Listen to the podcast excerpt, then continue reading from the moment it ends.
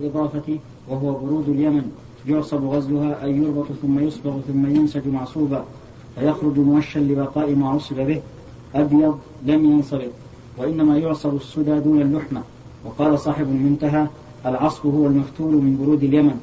وذكر أبو موسى المدني في ذيل الغريب عن نعم. من المدني نعم. بالياء. في ذيل نعم. الغريب عن بعض أهل اليمن أنه من دابة بحرية تسمى فرس فرعون يتخذ, يتخذ منها الخرز وغيره ويكون أبيض وهذا غريب. وأغرب منه قول السهيلي إنه نبات لا ينبت إلا باليمن وعزاه لأبي حنيفة الدينوري. وأغرب منه وأغرب منه قول الداودي المراد بالثوب العصر الخضرة وهي الحبرة وليس له سلف الحبرة. وليس له سلف في أن العصب الأخطر. قال ابن المنذر أجمع العلماء على أنه لا يجوز للحادة لبس لبس الثياب المعصفرة ولا المصبغة إلا ما صبغ بسواد فرخص فيه فرخص فيه مالك والشافعي لكونه لا يتخذ للزينة بل هو من لباس الحزن. غريبة أكمل ها؟ أكمل هذا. خلاص. نعم ها؟ اي هو يجوز لك ما هو بلازم. ما هو بلازم. نعم. قوله خشوا على عينها يعني لا يدل هذا على أنه كان يعني لمرض لأنه خشوا اي نعم هي, هي تشكي عينها مريضة. لم يجوز ها؟ لا يجوز لا يجوز نعم. اي نعم حتى وإن كان للحاجة. نعم. الشيخ منع المعتدة من الوفاة؟ من الخروج من البيت. يمكن بيجينا إن شاء الله. نعم.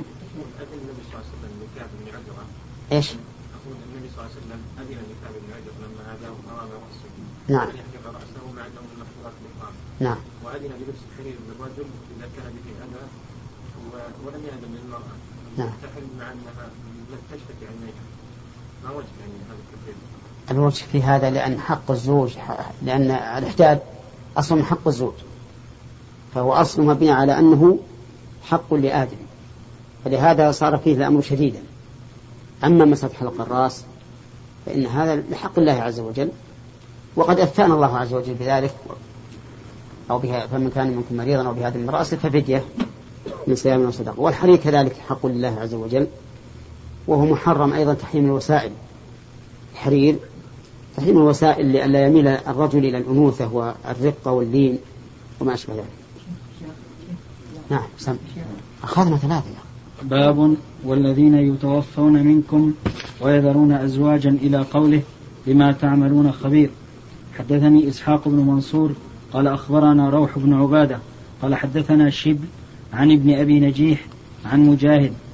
والذين يتوفون منكم ويذرون أزواجا. قال كانت هذه العدة تعتد عند أهل زوجها واجبا. فأنزل الله والذين يتوفون منكم ويذرون أزواجا وصية لأزواجهم متاعا إلى الحول غير إخراج. فإن خرجن فلا جناح عليكم فيما فعلن في أنفسهن من معروف. قال جعل الله لها تمام السنة سبعة أشهر وعشرين ليلة.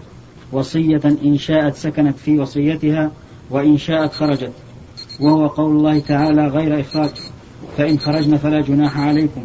فالعدة كما هي واجب عليها.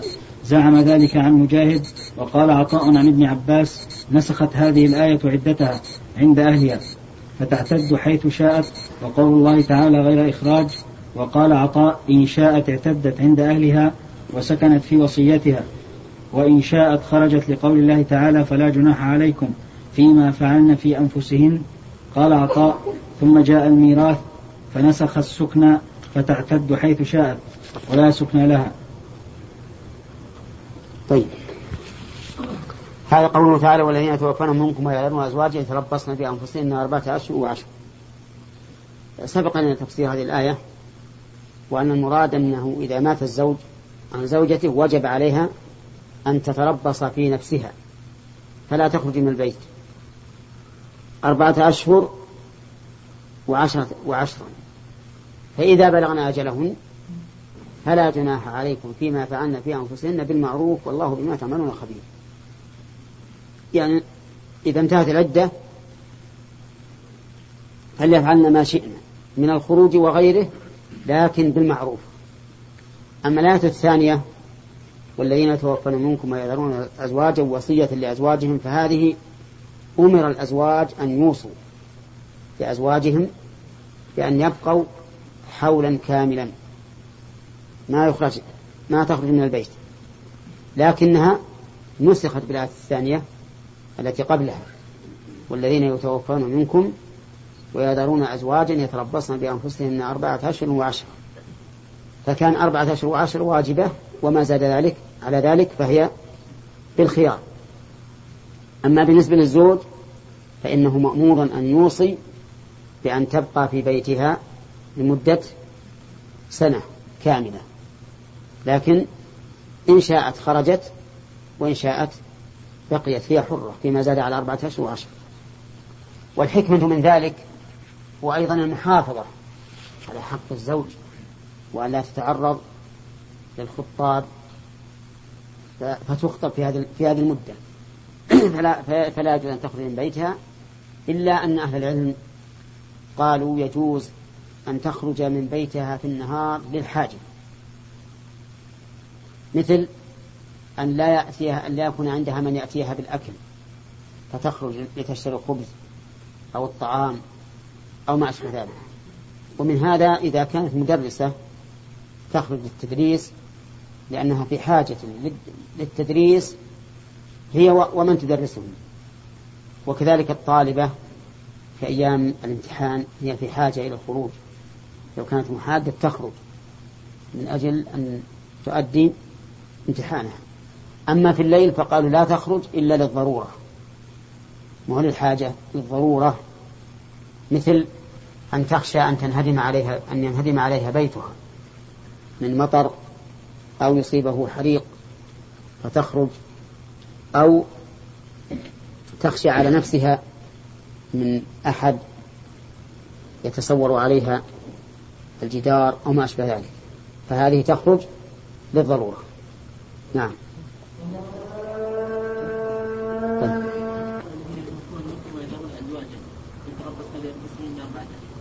هذه الآية يتبع أنها ناسخة الثانية. نعم. طيب يا شيخ لماذا نقول أنها ليست نمضي الآيتين ونقول أن الثانية نعم. الآية الثانية آه، خصوص الأهل أنهم ما يخرجون الزوجة حتى نهاية العام. وبعد العام لهم أن يخرجوها بعد العام؟ أي بعد نهاية العام. إيه. بعد الحول كما قال الشيخ عبد الرحمن. الآية الأولى الآية الثانية فيها أنها أن الإنسان يجب أن يوصل لزوجته. وفي الآية الأولى ما يجب أن يوصل. نسختها نسخت وجوب الوصية. هو لماذا لا لا يقال أنها وصية من الله لأهل الزوجة؟ لا لا. ما أستقيم طيب شلون يحمل الآن يحمل الآية على أنه كان بالأول يجب على الزوج أن يوصي ثم صار ال- الواجب أربعة أشهر وعشر فقط. وما زاد على ذلك فهي بالخيار. إن شاءت خرجت وإن شاءت لم تخرج. أهل الزوج ما يخرجونها بعد. 14 لو أرادوا مثلا أن يتصرفوا إذا أوصى به ما يخرجونها نعم فيها واحد سابق. إذا قلنا إذا لم يكن مقام وكان يعني إذا انتظر بعد أربعة أشهر وعشرة تصير يعني يحدث عليها أشياء أشياء أشياء. مرض مثلا.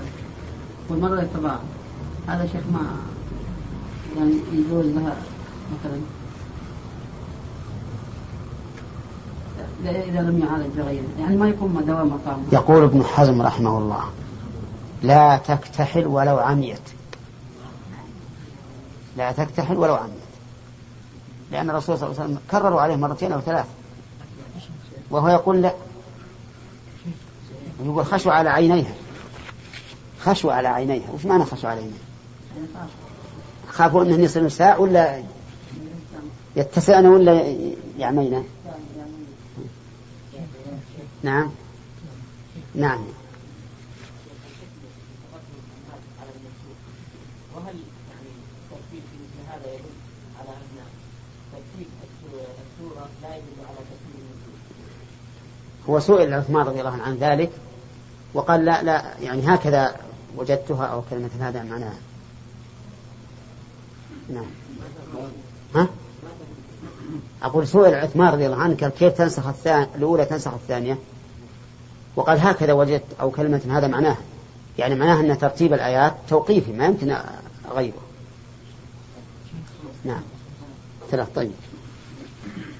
حدثنا محمد بن كثير عن سفيان عن عبد الله بن أبي بكر بن عمرو بن حزم قال حدثني حميد بن نافع عن زينب ابنة أم سلمة عن أم حبيبة ابنة أبي سفيان قالت لما جاءها نعي أبيها دعت بطيب فمسحت ذراعيها وقالت ما لي بالطيب من حاجة لولا أني سمعت النبي صلى الله عليه وسلم يقول لا يحل لامرأة تؤمن بالله واليوم الآخر تحد على ميت فوق ثلاث إلا على زوج أربعة أشهر وعشرة.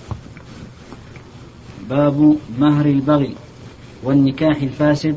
وقال الحسن إذا تزوج محرمة وهو لا يشعر فرق بينهما ولها ما أخذت وليس لها غيره. ثم قال بعد لها صداقها. حدثنا علي بن عبد الله قال حدثنا سفيان. طيب مهر البغي البغي معناه المرأة ذات البغى يعني التي تزني والعياذ بالله. والمهر هو ما تعطاه على زناها وهو في الحقيقة ليس مهرا شرعيا لكنه يشبه المهر من حيث إنه كان عوضا عن استمتاع. وإلا فليس مهرا حقيقة. وقوله إذا تزوج محرم محرمة يعني بنسب أو رضاء أو مصاهره أو غير ذلك. فإن الظاهر حتى يشمل حتى ولو كانت محرمة لعارض كالمحرمة. فإنه يجب أن يفرق بينهما ولها ما أخذت وليس لها وليس لها غيره ثم قال بعد لها صداقها. هذا مشروط بما إذا جامعها. وأما إذا لم يجامعها فإن النكاح الباطل لا يوجب شيئا حتى وإن خلا بها. حتى لو خلا بها لو تزوج امرأة محرمة عليه وخلا وخلا بها فإنه ليس لها مهر. ليس لها مهر. لكن إن جامعها فلها المهر بما استحل من فرجها. نعم. نعم. ها؟ ما قال عن حديث اصبر. انتظر. حدثنا علي بن عبد الله قال حدثنا سفيان عن الزهري عن أبي بكر بن عبد الرحمن عن أبي مسعود رضي الله عنه قال نهى النبي صلى الله عليه وسلم عن ثمن الكلب وحلوان الكاهن ومهر البغي. هذا سبق الكلام عليه في بلوغ المرام قريبا فلا حاجة إلى الكلام عليه. نعم يا حجاج. هذا الاحاديث كلها تدل على تحريم بهذه الذي يموت عنها زوجها. هل تدخل فيها التي تحد عن عن غيرها عن أبيها واخيها أن تحد عن أبيها وأخيها. ما هي مأمورة بهذا. ما هي مأمورة مرخص لها أن تحد والأفضل أن لا تحد إذا حد إذا حدث ما ما تفعل ما شاءت. أبد تنقض الإحداد تسوي ما تريد. الذين يفعلون هذه الأربعين أو أو الحول طيب أنت أخذت ثلاثة أسئلة في سؤال واحد. من اللي بسألته بعد نعم. نعم يا. عندما نرى أنه حرام؟ نعم. مهر باقي لكن عندما نرى أنه حلال لا. نعم. ولا شك أنه حرام. يعني ما لم يخالف في هذا إلا الرافضة. وإلا جميع المسلمين قالوا إن نكاح المتع حرام. روي عن ابن عباس رضي الله عنهما أنه كان يحله عند الضرورة ولكنه رضي الله عنه نوقش في ذلك فرجع. نعم.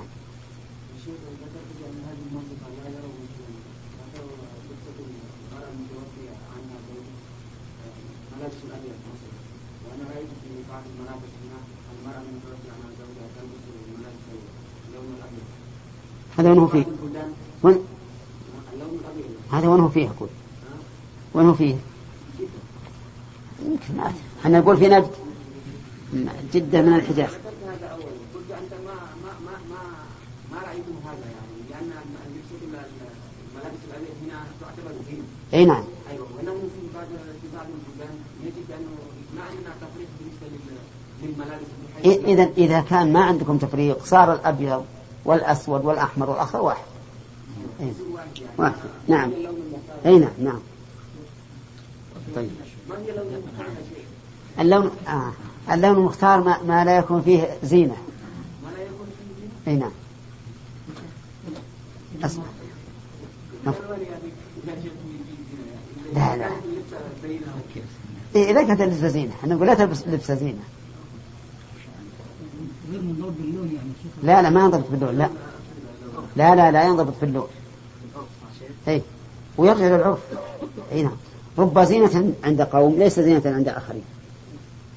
يا أستاذ عبد الله. نعم. سيسي ولا؟ سيسي. السيسي. طيب. آل. طيب نعم. يلا عبد الرحمن إيش عندك؟ المرأة التي دخل بها وهي تبين تبين أنها حرام هل عليها العدة؟ إن جامع فعليها العدة وإلا فلا طيب قلنا إذا ما دخل عليها ما عليها العدة ولا لها العدة وقد خلى بها شنو؟ واستحل منها ما يستحل منها بس هذا حرام هذا مو هو بعقد أستحل منها طيب لو استحل لو أن إنسان دخل على امرأة بدون عقد وجلس وياه من الصبح إلى إلى العصر.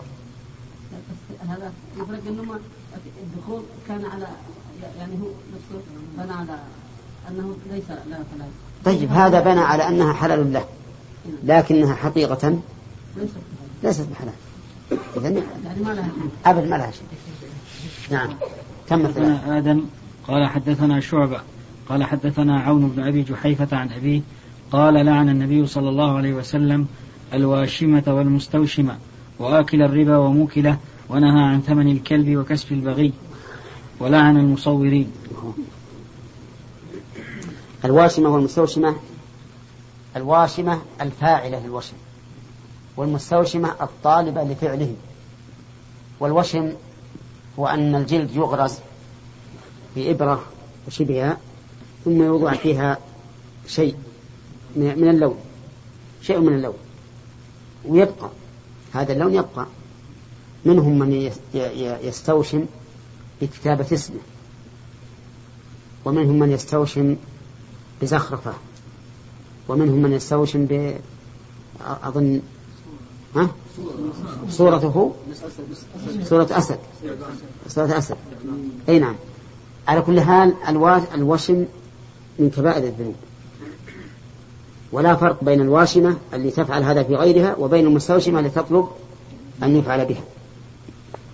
طيب لكن لو أن أحدا فعل به ذلك وهو صغير وكبر فهل يدخل في اللعن؟ الجواب لا لا يدخل في اللعن لأنه لا, لا ما طلبه. هذا مفعول به وهو لا يدري. طيب هل يجب عليه أن يزيله؟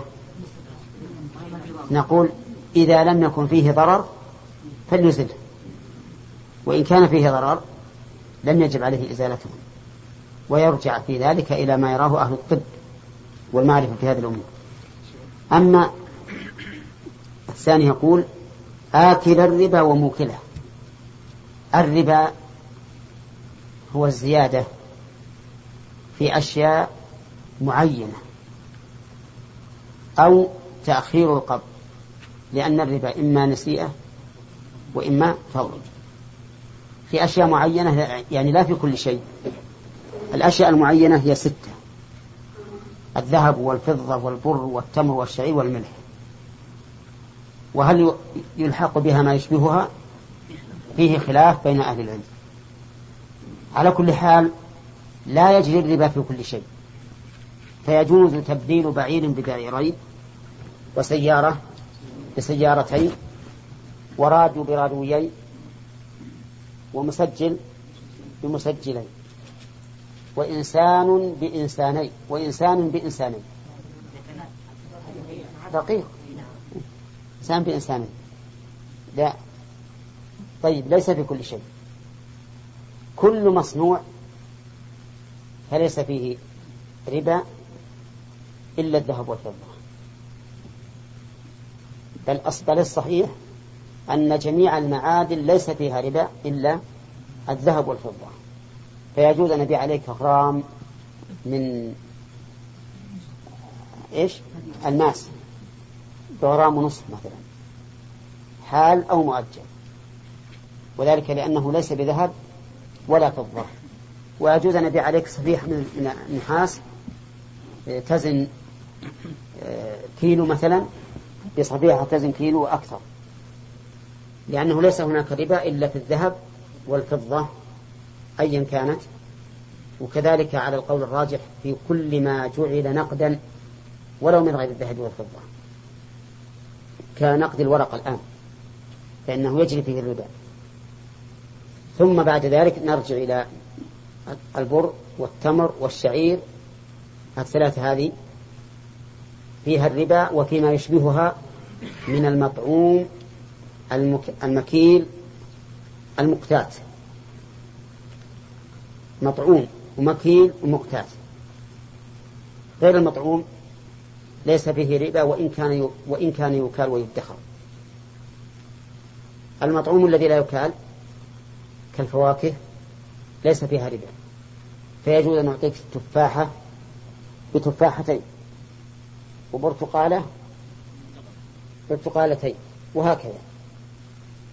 طيب إذا كان مكيلا لكن لا يقتات فليس فيه أيضا ولو كان مطعوما فليس فيه على القول الراجح ليس فيه شيء من الربا. لأن لأن الواجب أن نقتصر على ما يساوي المنصوص من كل وجه. هذا الواجب.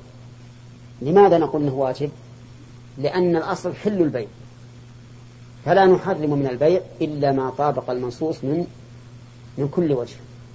ومعلوم أن الربا حب يكال إيش بعد ويدخر. قوت يدخره الناس. بقينا بالملح. وش العلة فيه؟ الطعام من قوت الطعام صار كل مطعوم فيه ربا. يقتات إذا معناه كل شيء يقتات فيه ربا. يقول شيخ الإسلام إن هذا تابع للبر والشعير. لأنه يصلح به الطعام. لأنه يصلح به الطعام. وهذه العلة في النفس منها شيء. لأننا لو قلنا بذلك لقلنا إذن جميع البزارات ها؟ يصنع بها الطعام فيجري بها الربا. وهذا يضيق على الناس. إذا نقتصر في الملح على النص. يقول لأنه جاء به النص والله أعلم بعلته. الله أعلم بعلته. إذ يلزمنا إن عللناه بأنه يصح به الطعام أن نقول كل ما يصح به الطعام ففيه ففيه الربا. على كل حال الربا لعن الرسول صلى الله عليه وسلم. آكلة وموكلة. أيهم أشد؟ الآكل أشد. الآكل أشد. ولهذا إذا تاب الموكل كفى ما يطالب بأكثر من ذلك. فلو راب أخذ مثلا من البنك مئة ألف بمئة وعشرة. فهو آكل ولا موكل؟ ها؟ موكل. اشترى به بيتا بالمئة وعشرة؟ لا يا شيخ ولا. موكل إلى الآن هو موكل اشترى به بيتا وسكنه ثم من الله عليه فتاب نقول ما يلزمك أكثر من هذا؟ لأنك أنت مأخوذ منك.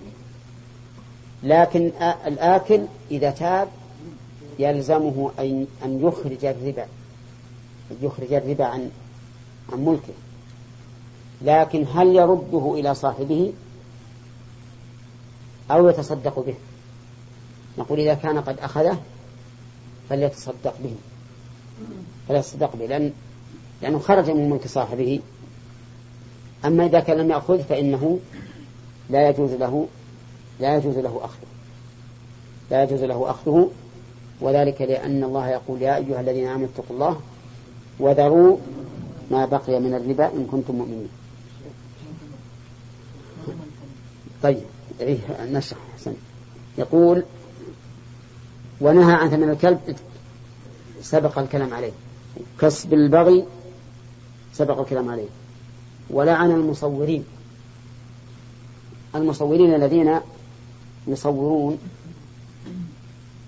ما خلق الله عز وجل. الذين يصورون ما خلق الله.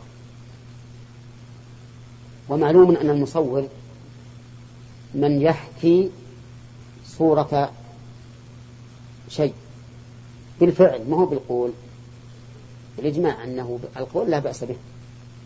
أن الإنسان يصور بالقول. شلون يصور بالقول؟ ها؟ يصف. يصف. هذا ما هذا ما ليس بشيء. لكن التصوير بالفعل يقول لا يصور مثل خلق الله عز وجل.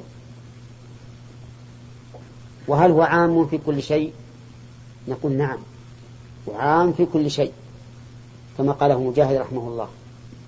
لقوله تعالى في الحديث القدسي ومن أظلم ممن ذهب يخلق كخلقي.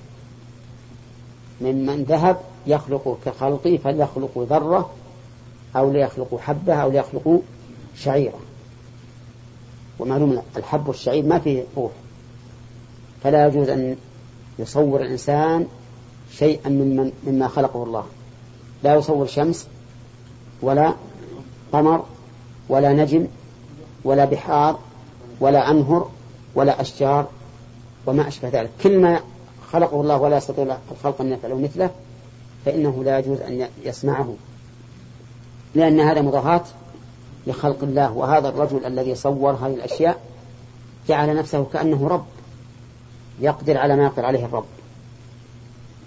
ولكن هذا الذي ذهب إليه المجاهد خالفه فيه جمهور الأمة وقالوا إن الذي يحرم أن يصور ما, ما فيه الروح فقط. وقيدوا ذلك في حديث بأحاديث أخرى كحديث ابن عباس أن الإنسان إذا صور صورة كلف أن ينفخ فيها الروح. كلف أن ينفخ فيها الروح. ومعلوم أن الذي ينفخ فيه الروح هو الحيوان كالإنسان والبعير والفرس وغير ذلك. حتى اللي ما فيه دم. ها؟ فيه روح مثل الجرادة لو صور جرادة قلنا هذا حرام. دخل, دخل في اللعنة. طيب لو صور شجرة. ها؟ فليس فيها روح. يعني ما فيها الروح التي التي هي روح الإحساس ولا فيها روح لأنها تحيا وتموت. الله ذكر أنه يحيي الأرض بعد موتها. نعم لكنه ليست الروح الحيوانية التي هي ذات إحساس. قالوا إن قال لي بعض الناس إن إن الشجر يحس. ولذلك إذا همزت الورقة في ظفرك انكمشت. كأنها تزعل وتنكمش على نفسها. نعم؟ هل هذا صحيح؟ ها؟ أول ما يشوف لا هذا هذا اللي ينكمش هذا شيء آخر. اللي ينكمش عند الإحساس بما يقرب منه هذا كثير. حتى الآن حتى الريش الريش إذا مسحته يعني ضغطت عليه ومسحته ومن طلعته يتلمس يدك. نعم؟ وينكمش عليها. على كل حال العلماء جمهور أهل العلم يقولون إن المحرم هو ما كان فيه روح حيوانية أما ما كان فيه روح وجماد فلا بأس به وأما ما كان من صنع الآدم كإنسان يصور سيارة فهو جائز ولا لا؟ ها؟ جائز بالإجماع ما أظن أحد يخالف فيه لأنه يجوز أني أصور أني أكون سيارة من عند نفسي فتصويرها لا بأس به. ولا أدري مثلا لو كان من الأشياء التي آه، مثلا حجر صور حجر. وما في حياة. جماد. هل نقول إن هذا جائز ولا لا؟ جمهور العلماء يقول أنه جائز وأظن حتى مجاهد في هذا لأنه في الواقع ما ينمو لا يزيد ولا ولا ينقص. نعم. لا هذا تنتصر على شكل حيوان. نعم.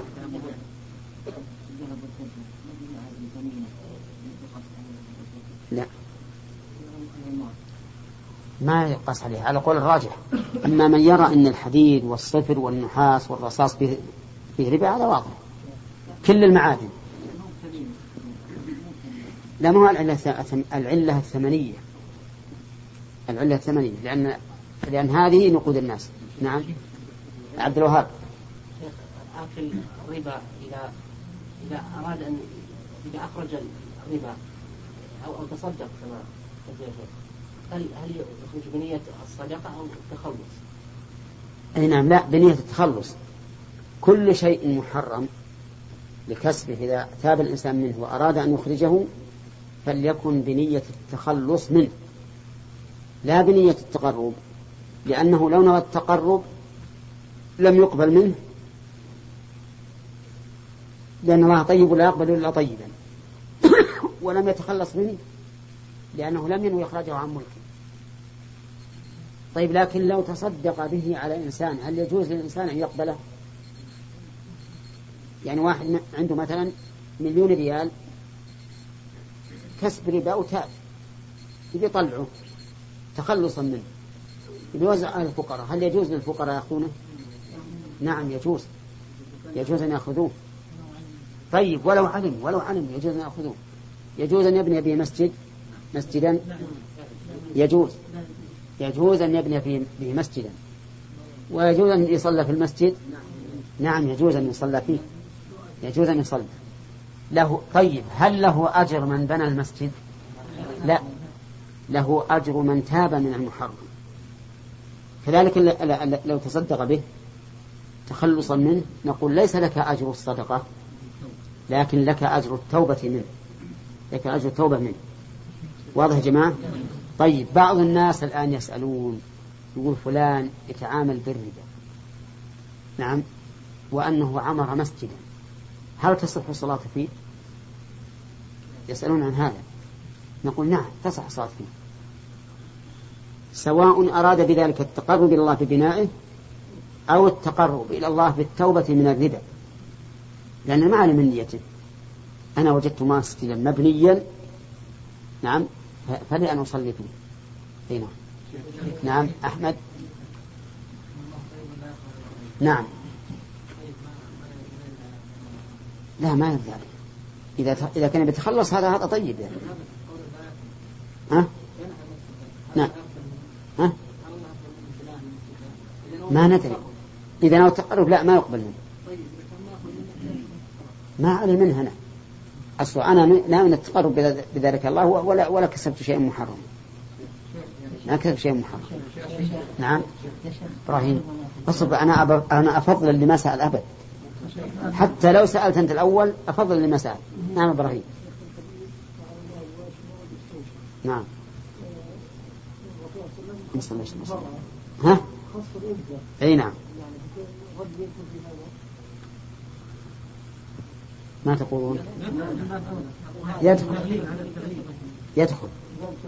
إحنا قلنا بارك الله فيك أعطيناكم قاعدة من قبل. كل خطاب في خاص بالرجال ها دخل فيه النساء. وكل ما خص بالنساء دخل فيه الرجال إلا بدليل. ولهذا قال الله تعالى والذين يرمون المحصنات ثم لم يأتوا بأر- بأربعة شهداء فاجلوهم ثمانية جلدة لو أن القاذف رجل ها؟ يحد ولا لا؟ يحد. يحد. نعم. لا- يعني قصدي لو أن المقذوف ترى. لو أن المقذوف رجل يدخل في الآية ولا لا؟ أي نعم.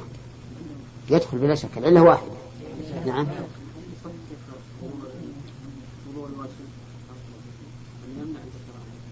كيف؟ المستوشم. المستوشم. اي وش تقولون يصح لأن هذا من ورا من تحت الجلد. لا لا.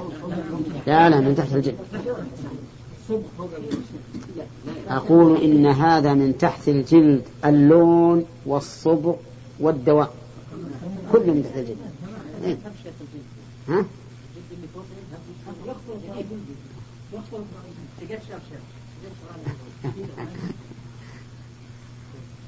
كيف تشكل كيف تشكل عليكم هذه؟ نعم يا عبد الله. أحمد اسمه إيه، يلا. خلاص. سأل سأل. عدة ناس. اقرأ اقرأ. ما في أسئلة. هذا البخاري حدثنا علي بن الجاد. كيف؟ قال أخ... نعم يا شيخ خالد. قال أخبرنا شعبة عن محمد بن جحادة عن أبي حازم عن أبي هريرة قال نهى النبي صلى الله عليه وسلم عن كسب الإماء الظاهر أن المراد بكسب الإماء يعني البغايا لقوله تعالى ولا تكرهوا فتياتكم على البغاء إن أردنا تحصنا أما الأمة التي يؤجرها الإنسان بعمل غير غير محرم فكسبها ليس حراما. عندك كذا؟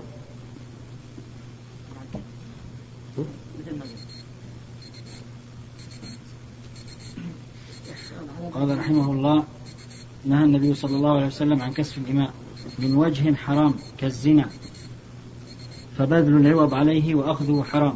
وهذا الحديث أورد وهذا الحديث أورده مختصرا بالاقتصار على المراد من الترجمة.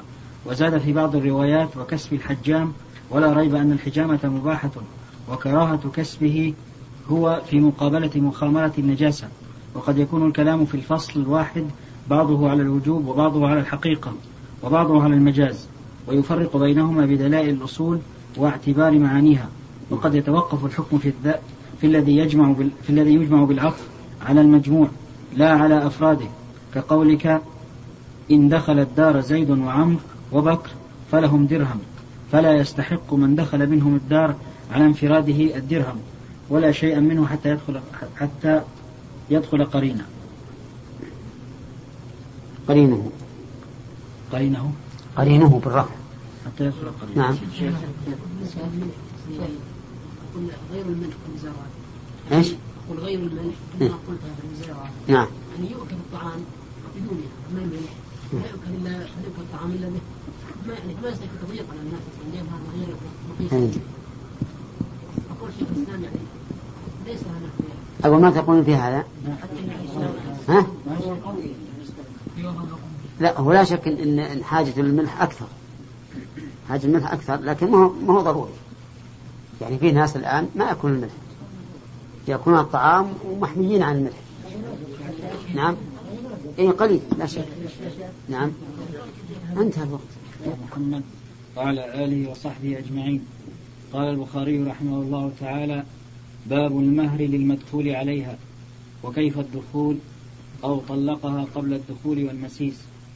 حدثنا عمرو بن زرارة قال أخبرنا إسماعيل عن أيوب عن سعيد بن جبير قال قلت لابن عمر رجل قذف امرأته فقال فرق النبي فرق نبي الله صلى الله عليه وسلم بين أخوي بني العجلان وقال الله يعلم أن أحدكما كاذب هل منكما تائب فأبيا فقال الله يعلم أن أحدكما كاذب فهل منكما تائب فأبيا ففرق بينهما وقال قال أيوب فقال لي عمرو بن دينار في الحديث شيء لا أراك تحدثه. قال قال الرجل مالي قال لا مال لك.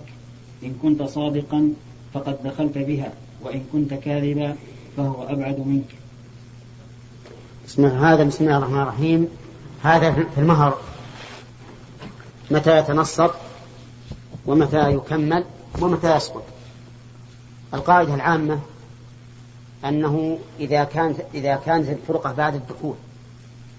بعد الدخول والخلوة تقرر المهر. تقرر المهر على كل حال. ولا يمكن سقوطه. لكن إن قدر أن فيها عيبا لم يعلم به الزوج فإنه يرجع بالمهر على من غره. إذا كان قبل الدخول والخلوة فإن كانت الفرقة منها فليس لها شيء. وإن كانت منه فلها نصف المهر لقول الله تعالى وإن طلقتموهن من قبل أن تمسوهن وقد فرضتم لهن فريضة فنصف ما فرضتم. إذا إما أن تكون الفرقة نقول فيها إما أن تكون الفرقة قبل الدخول أو الخلوة أو بعدهما. إن كانت قبل الدخول والخلوة فإن كانت الفرقة منها فليس لها شيء. وإن كانت منه فلها نصف المهر إلا أن يعفو. إذا كانت بعد الدخول أو الخلوة فلها المهر كاملا لأن المهر يتقرر بذلك يتقرر بالدخول ويتقرر كذلك بالموت. إذا مات أحدهما ولو قبل الدخول فإنه يتقرر المهر كاملا. لحديث حديث ابن مسعود رضي الله عنه أنه قضى في رجل عقد على امرأة ومات عنها فأفتى رضي الله عنه بأن لها الميراث والصداق وعليها العدة. فقام رجل فقال إن رسول الله صلى الله عليه وسلم قضى في بروع بنت واشق واشق امرأة منا بمثل ما قضيت. فهنا يقول المؤلف المهر للمدخول بها للمدخول عليها وكيف الدخول أو طلقها قبل الدخول والمسيس أو يعني وإذا طلقها فما الحكم؟ يقول إذا طلق قبل الدخول والمسيس فليس إيش؟ فليس لها شيء؟ فلها النصر لأن الفرقة من قبله. وش يقول في الترجمة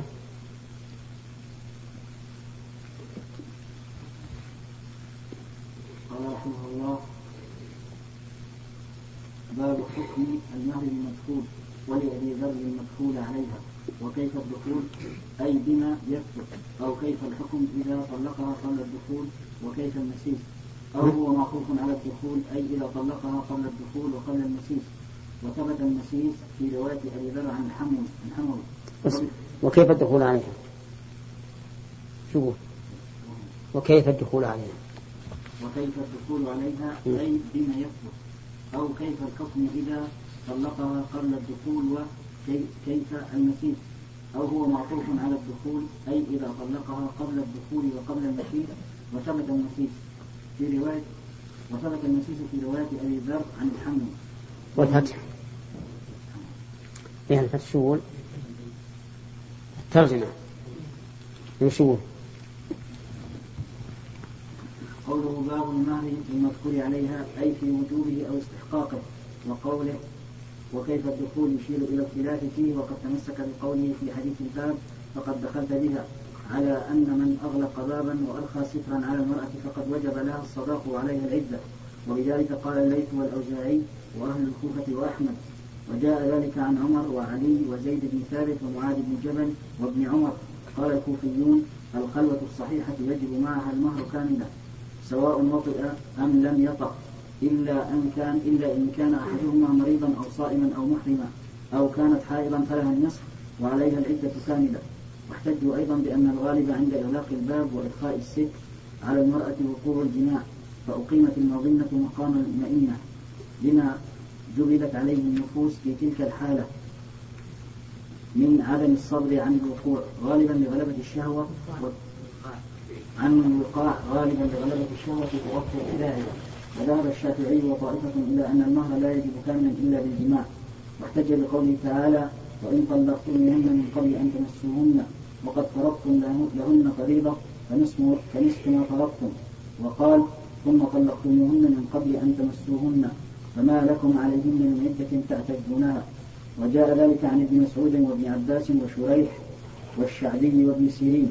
والجواب عن حديث الباب أنه ثبت في الرواية الأخرى في حديث الباب فهو بما استحللت من فرجها فلم يكن في قوله دخلت عليها حجة لمن قال أن إن مجرد الدخول يكفي.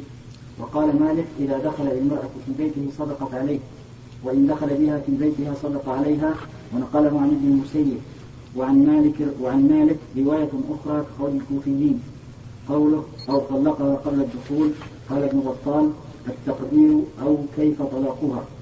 فاكتفى بذكر الفعل عن ذكر المصدر لدلاته عليه قلت ويحتمل أن يكون التقدير أو كيف الحكم إذا طلقها قبل الدخول. قوله والمسيس. ثبت هذا في رواية النسفي والتقدير وكيف المسيس. وهو معطوف على على الدخول أي إذا طلقها قبل الدخول وقبل المسيس. ثم ذكر فيه حديث ابن عمر برواية سعيد بن جبير عنه في قصة الملاعنة